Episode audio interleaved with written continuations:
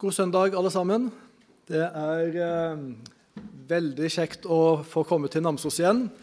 Det er ikke så ofte jeg får eh, æren og anledningen, men jeg setter desto eh, mer pris på det. Det er kjekt å se dere alle igjen. Eh, først en liten beklagelse. Hvis jeg blir stående her og snufse litt vel mye under eh, talen, så er det fordi at jeg lider av en stor og smertefull og livstruende forkjølelse for tiden som uh, er litt sånn Ja, så jeg kommer til å snufse lite grann. Um, I dag er det såmannssøndagen, hvis jeg ikke har blunda helt på, uh, på uh, dagen. og teksten for i dag, søndagens preketekst, er en, er en av disse såmannslignelsene. Ikke den mest kjente av dem, men den som kommer si, rett etterpå. Og den skal vi eh, prøve å ta en sånn ørliten bibeltime på i dag. Eh, eh, beklager litt at den røde skriften ikke ble så synlig som jeg trodde den skulle bli. Men det som står der, er at da fienden plantet ugress i åkeren, og selve hovedkonklusjonen til Jesus er det som står der La dem begge vokse. Det er en uh, viktig lignelse. Uh, jeg er glad for at den står der.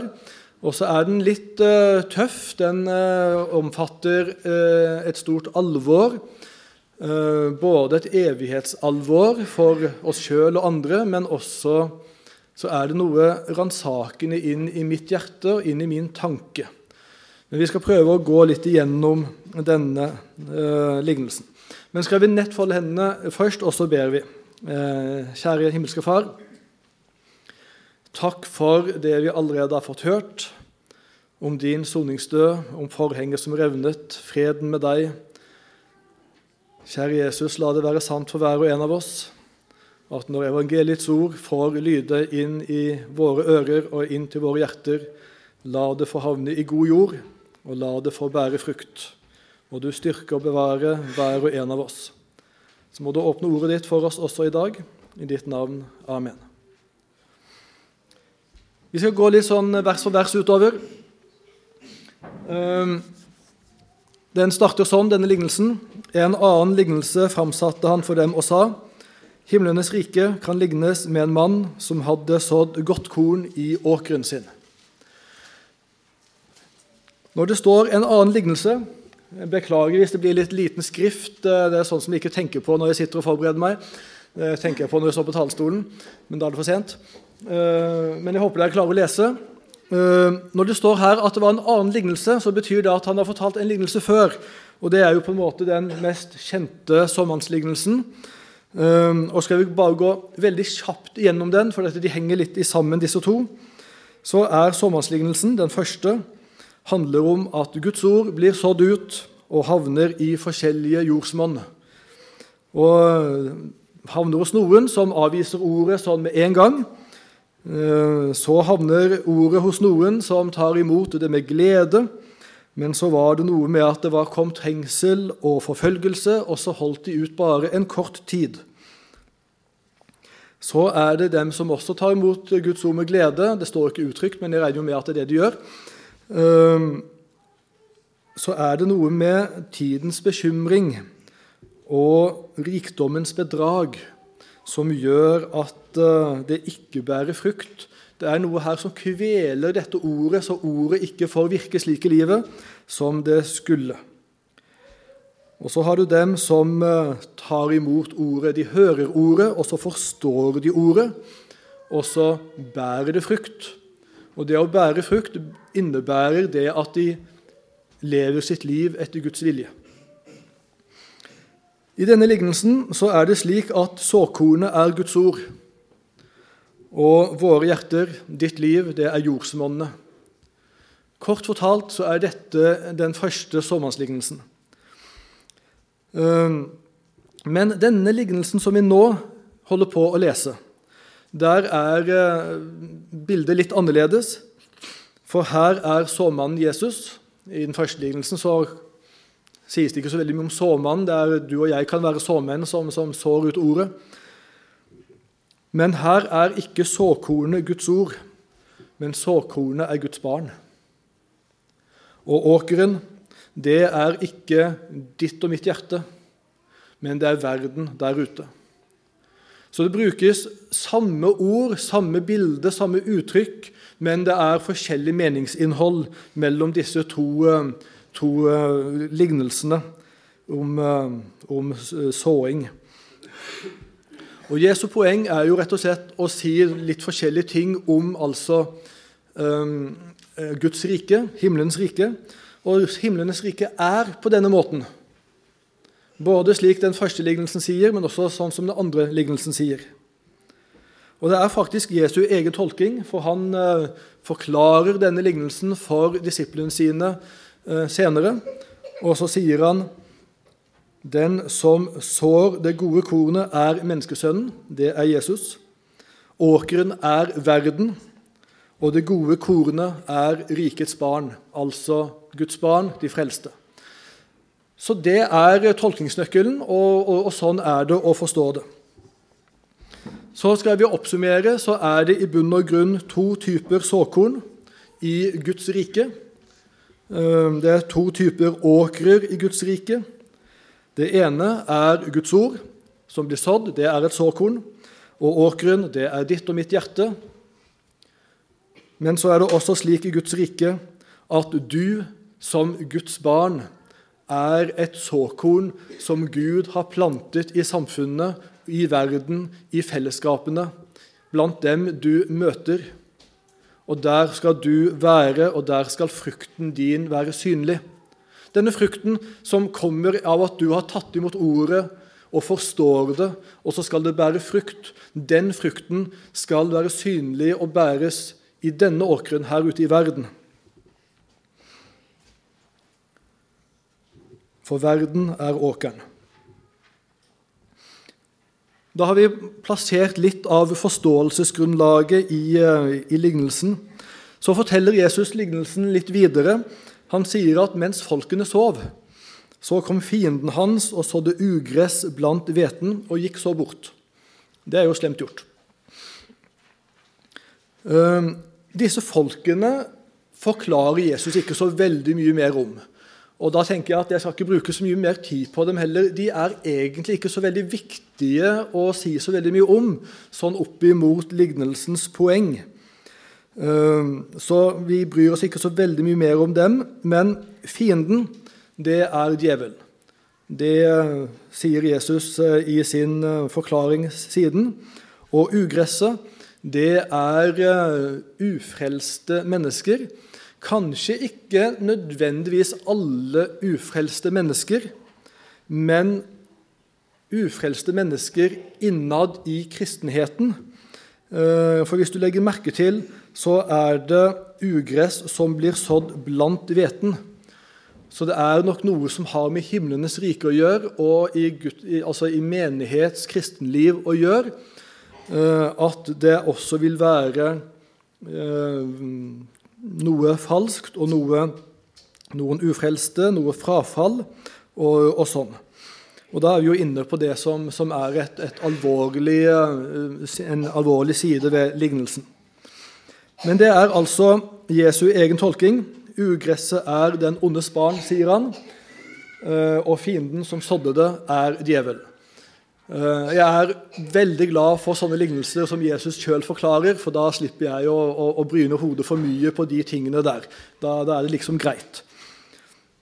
Um, hvis vi skal ta et poeng her, så er det det at denne hveten, Guds barn, som jeg, sa, jeg nevnte det i stad, det er en oppgave du har. Jesus har sådd deg. Rett og slett for å være ute i et fellesskap, ute i en verden. Eh, og der skulle du bære frukt. En liten parallell til, til eh, det Jesus sier i bergpreken om at menneskene må få se lyset. Se dine gode gjerninger, for da kan de begynne å tro på Gud eller begynne å prise sin far i himmelen. Det er noe med at det du har hos Jesus, det skal ikke skjules, det skal være synlig for verden, til og med for de ikke-kristne. Ugresset, det er, ja, iallfall ufrelste av uh, forskjellige slag. Uh, det som er problematisk med denne type ugress, det er at den er vanskelig å skille ifra hveten. Det er jo greit nok der hvor, uh, hvor det er stor forskjell, og du ser tydelig forskjell, så kan du på en måte sortere litt. Men innad i en kristenhet så er det av og til vanskelig for oss. Um, det er vanskelig å skille det ekte og det falske, det rene og det urene. Vi mennesker vi ser på det ytre. Vi klarer ikke å se på hjertet. Og da er dette mye, mye problematisk for oss. Eh, det er noe med frukten, selvsagt, som vil vise noe. Det er det. Men allikevel så er det en sånn en stor fare at vi kan begynne å røske opp de ekte Guds barn hvis vi sorterer litt for mye um, iblant oss. Og Dette er en beskrivelse av Guds rike. Det er Jesus sjøl som gir den. Det ugresset som her er snakk om, har jeg lest. Det er noe som heter uh, svimling. Jeg har ikke peil på så mye på det, egentlig. Men det jeg har lest, er at denne type ugras ligner på hveten, i alle fall i starten. Men når høsten kommer, så får han en litt annen farge, og så kan det komme noen svarte flekker på den som hveten ikke har. Men det som er litt sånn trøblete med dette ugraset også, er ikke bare det at, at du, Kanskje kan du prøve å skille litt sånn over jorda, men under jorda. Der vil røttene til dette ugraset flette seg sammen med røttene til hveten. Som jo også gjør at hvis du luker litt for mye, så risikerer du å eh, ødelegge for ekte Guds barn. Vil si at Guds barn går fortapt og, og, og havner på avstand fra Jesus fordi at vi er for hardhjertet. Fordi at vi har luket for hardt. Um, og Det er det som er Jesu poeng i, i, i lignelsen. Men da strået skjøt opp og satte aks, da kom også ugresset til syne. Og Det betyr jo det at ugress og dette her litt falske som vi av og til merker og ser i, i kristenheten, det, det, blir synlig. Vi, vi, merker at det er noe der. Vi, ikke sant? Men så er det problematiske når vi skal begynne å, å, plukke mennesker i dette her. Det er da det blir trøbbel, og det er da det blir vanskelig. Og så virker det som Jesus at det er mye viktigere for han at de som er frelst, skal bli bevart enn at vi skal begynne å plukke litt for mange av ugress. Ikke sant? Um, forskjellen mellom de frelste og ufrelste kommer til syne. Og det kommer til syne etter hvert som det modnes, og det kommer frukt. Og det vil vi se. Og Jesus ber oss faktisk om å se på frukten. Eh, I bergpreken så har han eh, eh, noe om det. På frukten skal dere kjenne dem. Her er det ikke akkurat hvete det er snakk om, men mer trær. Men dere skal kjenne dem på frukten, ikke på hva de sier, ikke på nødvendigvis Men, men, men på, på, livet deres og hvordan livet leves. Sanker en vel druer av tornebusker eller fiken av tistler? Slik bærer hvert godt tre god frukt, men et dårlig tre bærer dårlig frukt. Et godt tre kan ikke bære dårlig frukt, og heller ikke kan et dårlig tre bære god frukt. Hvert tre som ikke bærer god frukt, blir hogd ned og kastet på ilden. og Da er vi jo litt inne i den samme bildet som vi har i lignelsen her, om, om høstfolket som kommer siden og skal, skal skille dette her. Men det står 'derfor skal dere kjenne dem på frukten'. Og Da er det ikke opp til vi kjenner dem ikke igjen på bekjennelsen. Vi kjenner dem ikke igjen på om de sier at de er kristne. Og vi kjenner dem ikke igjen på i hvilken grad de ber og leser i Bibelen, eller hvilke møter de er med på. Men det er på frukten i hverdagslivet, og spesielt sinnelaget. For det kristne liv er først og fremst et kjærlighetens sinnelag ikke først og fremst ytre gjerninger og ytre grenser. Dem som gjør min himmelske Fars vilje, står det her. det er et sinnelag som ligger bakom det der. Poeng nummer to ut ifra lignelsen her mener jeg da må være at denne frukten med å gjøre Guds vilje, det kommer nettopp av at du og jeg nettopp hører Guds ord og forstår det. Men det må få bære den gode frukt. Det er så mange steder i Bibelen hvor det står om å ta til seg eller la, la Jesus sinnelag få vokse hos oss. Det er et sinnelag som setter den andre i sentrum. Det er alltid det. Jesus sinnelag Jesus sa det 'lær av meg, for jeg er nedbøyd og ydmyk av hjerte'. La dette sinn være dere som også var i Kristus Jesus, han som ga seg selv. Han som underordnet seg selv som lot de andre få sitt, ikke den som er en sånn åndelig diktator, som jeg og, mange har så lett for å være. Jesus sinnelag, det er underordningens sinnelag, kjærlighetens sinnelag, den som fremhever de andre. Vi går videre i lignelsen. Tjeneren gikk da til husbonden og sa, 'Herre, var det ikke godt korn du sådde i åkeren din?' Hvor har den da ugresset fra? Han sa til dem, Dette har en fiende gjort. Da spurte tjenerne ham, Vil du at vi skal gå og sanke det sammen? Her får jeg igjen et sånn lite problem sånn tolkningsmessig. Hvem er disse tjenerne? Det blir ikke forklart noe mer. Jeg skal ikke bruke så mye tid på dem heller. Det kan være de samme som sov. holdt jeg på å si. Ikke sant? Disse folkene som sov, som vi leste om i stad. Det kan være englene, de som senere skal komme og høste inn. Eller så kan det rett og slett være oss Guds barn, som, som blir litt vel ivrige etter å skulle luke i Guds rike. Og skal vi ikke luke litt, da? Sier ikke Bibelen noe om eh, kirketukt? Skal vi ikke skille noe mellom ekte og falskt i Guds rike? Jo, vi skal gjøre det. Og i alle fall på det teologiske og, eh, og læremessige plan så skal vi, eh, skal vi, holde det rett og, og, og, avvise det som er vrangt. Men vi, vi, må, vi, må, snakke litt om disse tingene. Svaret fra Jesus er at nei, dere skal ikke begynne å høste inn eller luke ugraset det skal dere ikke gjøre. Det var jo den naturlige uh, tanken for uh, disse tjenerne, eller for oss Guds barn, vi som er ivrige for Jesus og ivrige Guds rike. Vår første tanke er at vi må begynne å luke. Og Jesus sier nei.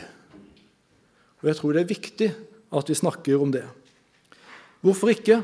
For da ville også dere komme til å rive opp hveten når dere sanker ugresset sammen.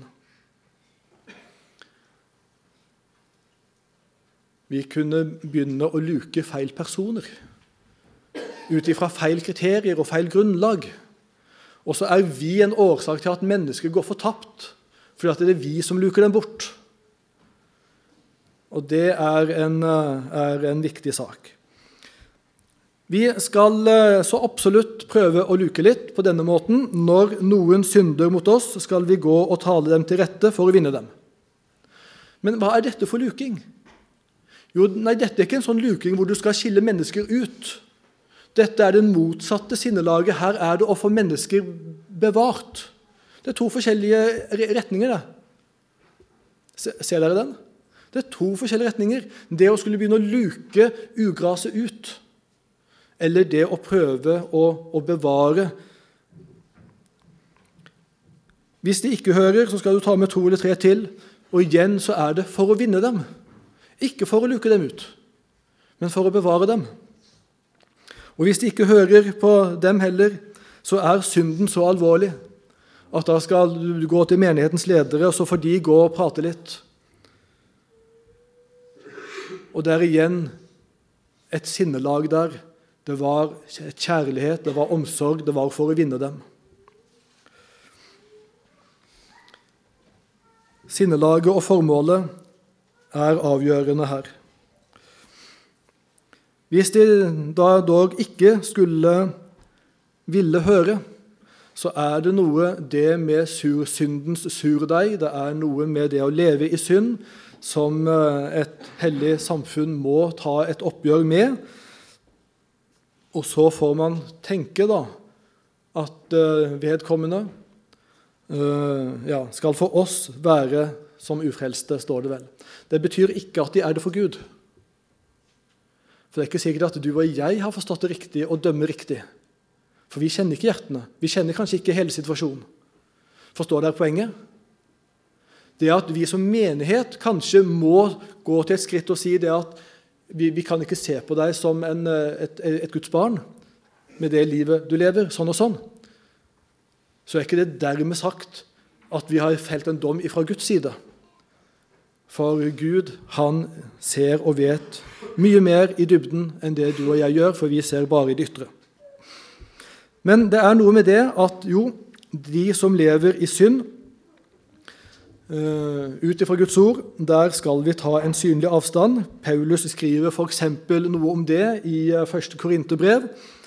Uh, det som har med, med seksualmoral å gjøre. Pengegriskhet, avgudsdyrking, baktaling, dranker, altså ha med å drikke seg full å gjøre, røver, Eh, det å stjele, altså. Der skal vi faktisk holde en liten avstand. Vi skal elske dem, vi skal prøve å, å, at, de, at, de, blir frelst. Men, men, det er noe med aksepten som en kristen bror. Så ja, eh, det der henger med også i denne lignelsen.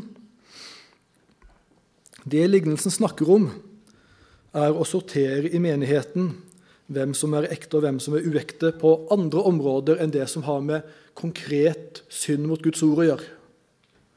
Og Vi er veldig flinke til å sortere hverandre på andre sånne kriterier enn det som rett og slett er, er mot Guds bud. Vi er ufattelig flinke til det. Jeg er det.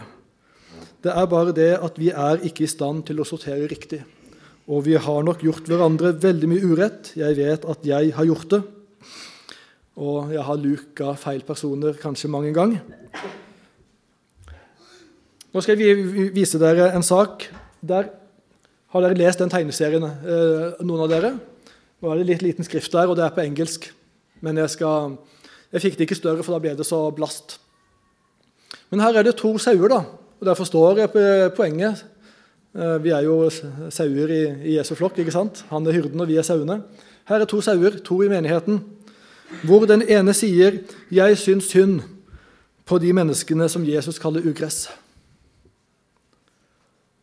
Og Det er jo fint, det. Vet du hva den andre sier? Jeg syns det er interessant at du tar det som en selvfølge at de er andre mennesker.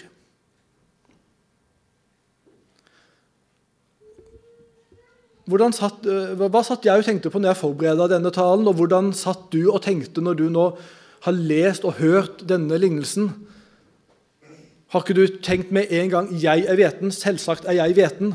Det er andre som er ugress, men jeg er selvsagt hveten. Tenkte du ikke slik? Helt sånn automatisk og, og underforstått. Og så er det på en måte noe ransakende som går opp for han eh, i midten der. Og så sier han 'Gud, vis nåde'. Og den andre sier nettopp. Det er akkurat det det er snakk om. Vi trenger en Gud som viser nåde. Og så trenger jeg nåde.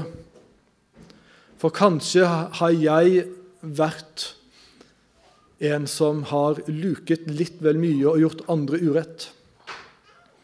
Og kanskje lever jeg i et selvbedrag og et hardt hjerte, så jeg selv er et ugress, og som trenger å komme inn til Guds nåde er det en selvfølge for deg og meg at vi er hveten og ikke ugress. Når Jesus definerer ugresset, så sier han det sånn Menneskesønnen skal sende ut sine engler, og han skal sanke ut av hans rike alt som volder anstøt, og de som lever i lovløshet. Når vi ser på det ordet lovløshet, så tenker vi da med en gang at da lever man i synder. sånne store og fæle og, og, og sånn. Det er ikke hele meningsinnholdet. Lovløshet det er også det å leve i et hardt hjerte og et hardt sinnelag overfor medmennesker. Det er også å leve i lovløshet. Det der å volde anstøt, det er å være årsak til at andre går fortapt. Det ordet anstøt betyr Det er denne vippepinnen i en sånn felle, ikke sant? Eller, eller selve, selve, selve øh, lokkematen i en, i en felle.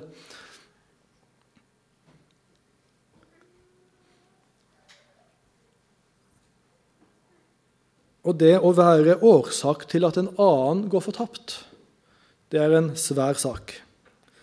Og det, de mennesker er ugress og skal lukes bort når Jesus kommer igjen. Og jeg har lurt på har jeg eller er jeg en som er til anstøt for andre, gir andre problem i deres gudsforhold og egentlig støter dem ut av gudsfellesskapet. Det anstøt har sjelden med synder å gjøre, men det har med det harde hjertet og hvordan vi behandler medkristne å gjøre. Det er det, den sammenhengen dette ordet blir brukt i når Paulus skriver i Rombrevet og Korinterbrevet. Jeg har måttet spørre meg sjøl er jeg en luker. Og jeg har nok vært og er så veldig lett det. En som bedømmer andre og tenker noe om dem, og faktisk sier noe om dem til andre, og skader deres navn og rykte. Kanskje får de selv trøbbel i sitt gudsforhold.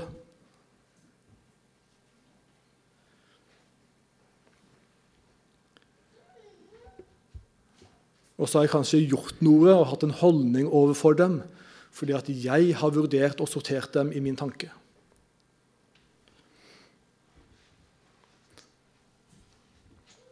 Hva sorterer vi vanligvis etter? Jo, vi sorterer etter teologiske meninger. Men så har vi av og til veldig lett for å glemme at ekte Guds barn kan ha ulik grad av kunnskap, ulik grad av innsikt, modenhet og bakgrunn. Når det står noe om å vokse så betyr det at når du begynner som et Guds barn, så kan du lite.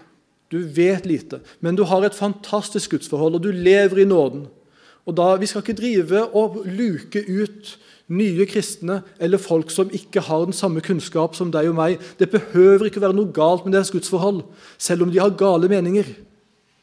Det kan kun være det at de ikke har kunnskap nok og trenger å lære mer.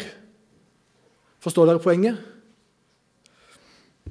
Nå sier også Bibelen at uh, vi skal uh, være nøye på læren, og det er viktig å bli i læren, og den skal vi holde ren. Og Det står noe om å ikke være sammen med dem som, som uh, avviker ifra læren. Det, det, gjør jo det.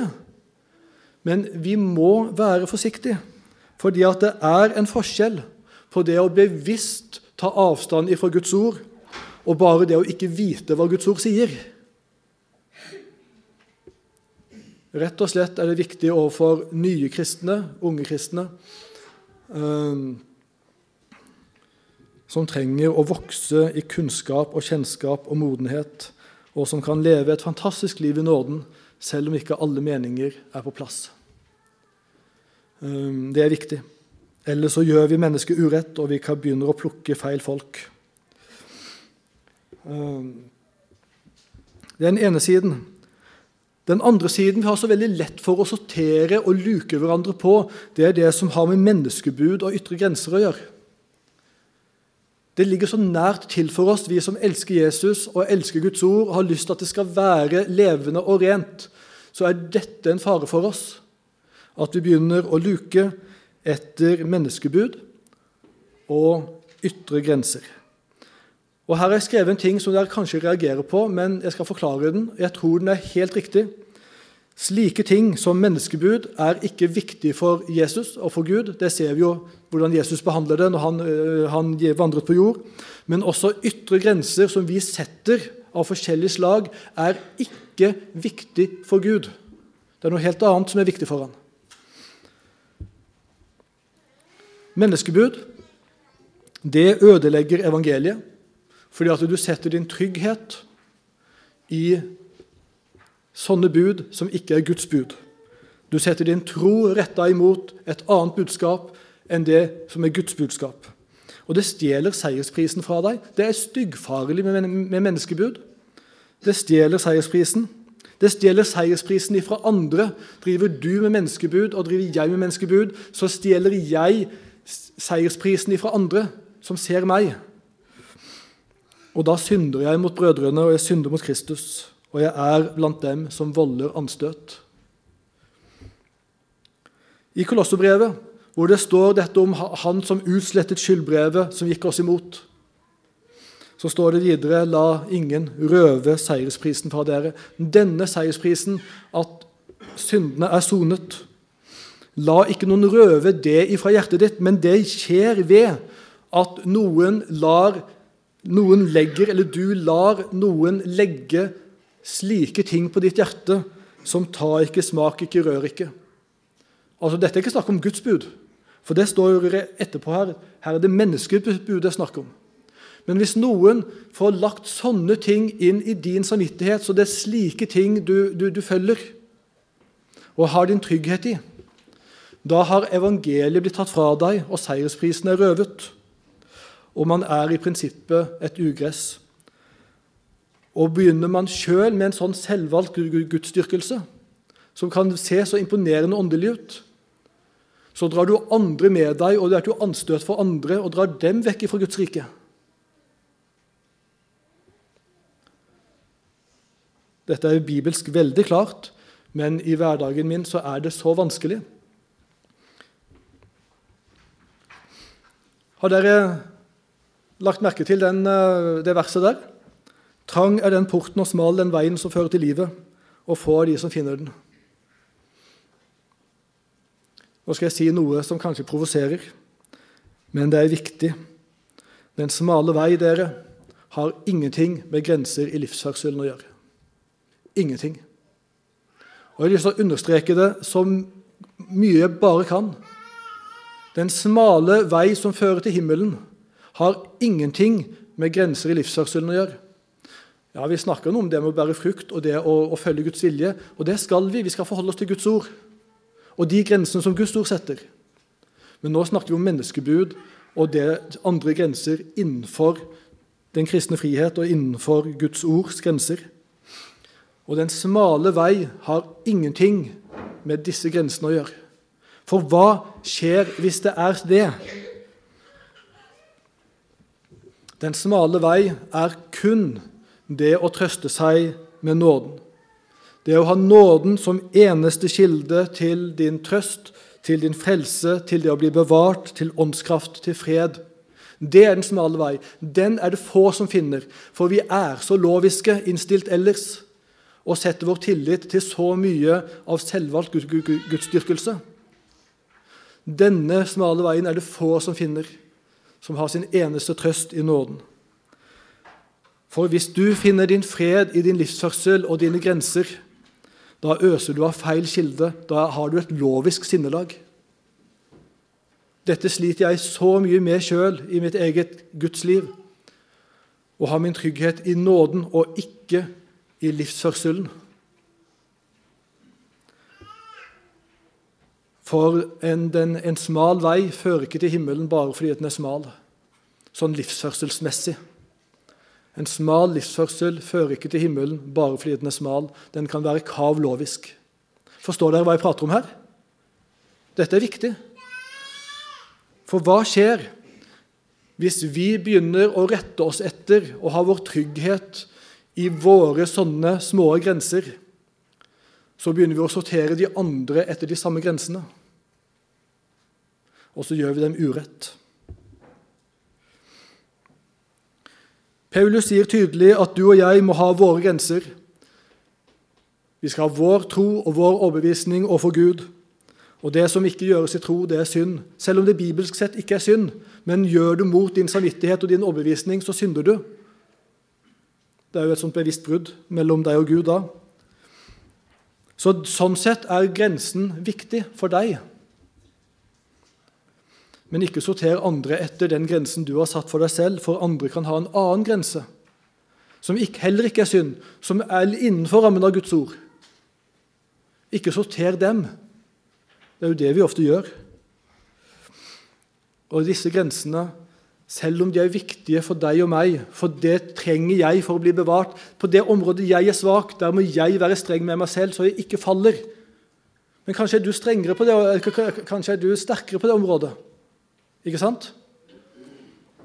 Så grensen er viktig for meg og deg, men det er ikke nødvendigvis viktig for Gud. For her står det 'mat gjør ikke til fra eller til for Gud'. Og mat her betyr det skal en som var vant med avgudsdyrkeriet og avgudstemplene og ofringene der, kan han spise avgudskjøttet som er ofra til avgudene, eller kan han ikke gjøre det? Hva kan en kristen gjøre? Det var en stor diskusjon. Og de gikk i totten over hverandre på denne diskusjonen. Og så sier Paulus Riktignok er all mat ren, så han har satt det der teologisk. Men hvilken grense du setter for deg, er pent lite viktig. Det gjør ikke noe til eller fra for Gud. Men hva er da viktig for Gud? Det er hvordan du tenker om den andre. Den som velger å gjøre noe, altså her i dette tilfellet han velger å spise, han tillater seg noe. Han må ikke forakte den som er strengere enn seg selv. Er det ikke det det står, da? Nå er all mat ren, så det er ikke snakk om å synde og ikke synde. Men det er snakk om hvordan er vi innenfor denne kristne friheten her på det området. Det viktige er ikke hvilken grense du har. Ha den for Gud og lev etter din samvittighet. Men du som tillater deg noe, ikke i din tanke forakt den som er strengere enn deg selv, og si 'stakkar, han er jo ikke like fri', og 'nei, jeg har ikke sett like mye', og 'uff a meg'. Og, ikke sant? Men er det ikke det, har vi ikke så veldig lett for å gjøre det, da? Og den som er streng og ikke tillater seg, og så opplever han at det er noen som tillater seg mer enn det han selv tillater. Han må ikke dømme. Ah, nei, han kan ikke ha det rett med Gud. Her er det et ugras i åkeren, ja. Han her øh, luker vi bort. Det viktige for Gud er ikke hvilken grense du har for å bli bevart i ditt kristenliv, men at du ikke dømmer og forakter din medkristne og begynner å luke i praksis, men heller ikke å luke i tanken. Det tror jeg går rett inn i vår lignelse i dag. Vær ikke til anstøt. Vær ikke til trøbbel for andres gudsforhold. Begynn ikke å luke. Dette har jeg øh, sagt allerede. Slutten av lignelsen la dem begge vokse. La dem begge vokse sammen til høsten. Når det så er tid for innhøsting, vil jeg si til høstfolkene:" Sank først ugresset sammen og bind det i bunter for å brenne det, men hveten skal dere samle i låven min. Hvem er det vi prater om her? Høsten, det er Jesu gjenkomst. Høstfolkene, det er ikke deg og meg, det er ikke du og jeg som skal, skal, skal høste og, og, sortere. Det er det englene som gjør. Og Vi leste i stad at ugresset det er dem som volder anstøt, og som lever i lovløshet. Som er hardhjertet overfor andre og fører dem vekk fra Jesus. Men de som har hørt Guds ord, forstått det, bærer frukt, de blir tatt med. Og så er det noe med Guds ord her som jeg sa er hardt for mitt hjerte og min tanke. For her leser jeg noe i Guds ord som jeg har lyst til å høre, og jeg trenger å forstå det. Og så trenger jeg at dette får bære frukt ut i mitt hverdagskristenliv. hvordan vi tenker om hverandre, som vi har prata om i dag. Det må få bære frukt i mitt liv. Det blir jeg sittende og tenke på. Så dette er det store poenget til Jesus. Selv når ugresset er synlig, så la dem begge vokse. Slik er himlenes rike, sier Jesus. Himlenes rike kan ligne med. La dem begge vokse, så du ikke ødelegger for hveten. Vi folder hendene. Kjære himmelske Far. Takk for ordet ditt, som eh, er både så alvorlig, men som avslører så mye i mitt liv. Og så har jeg så mye å be om tilgivelse for, både for hva jeg har tenkt, men også sagt og holdning jeg har vist for mennesker. Kjære Jesus, gi oss dette ditt sinnelag, som elsker, som er ydmyk, som bøyer seg, som gir, som hjelper, som trøster og som bevarer. Hjelp oss til å kunne se hverandre med dine øyne. Takk, kjære Jesus, for denne nåden som vi får stå i, som det ikke er noen fordømmelse i. Og hjelp oss til å se på vår bror og søster, som kanskje selv gjorde det de ikke ville at også for dem så var det ingen fordømmelse, for de var jo også i Kristus Jesus. Må du styrke og bevare hver og en av oss. Amen.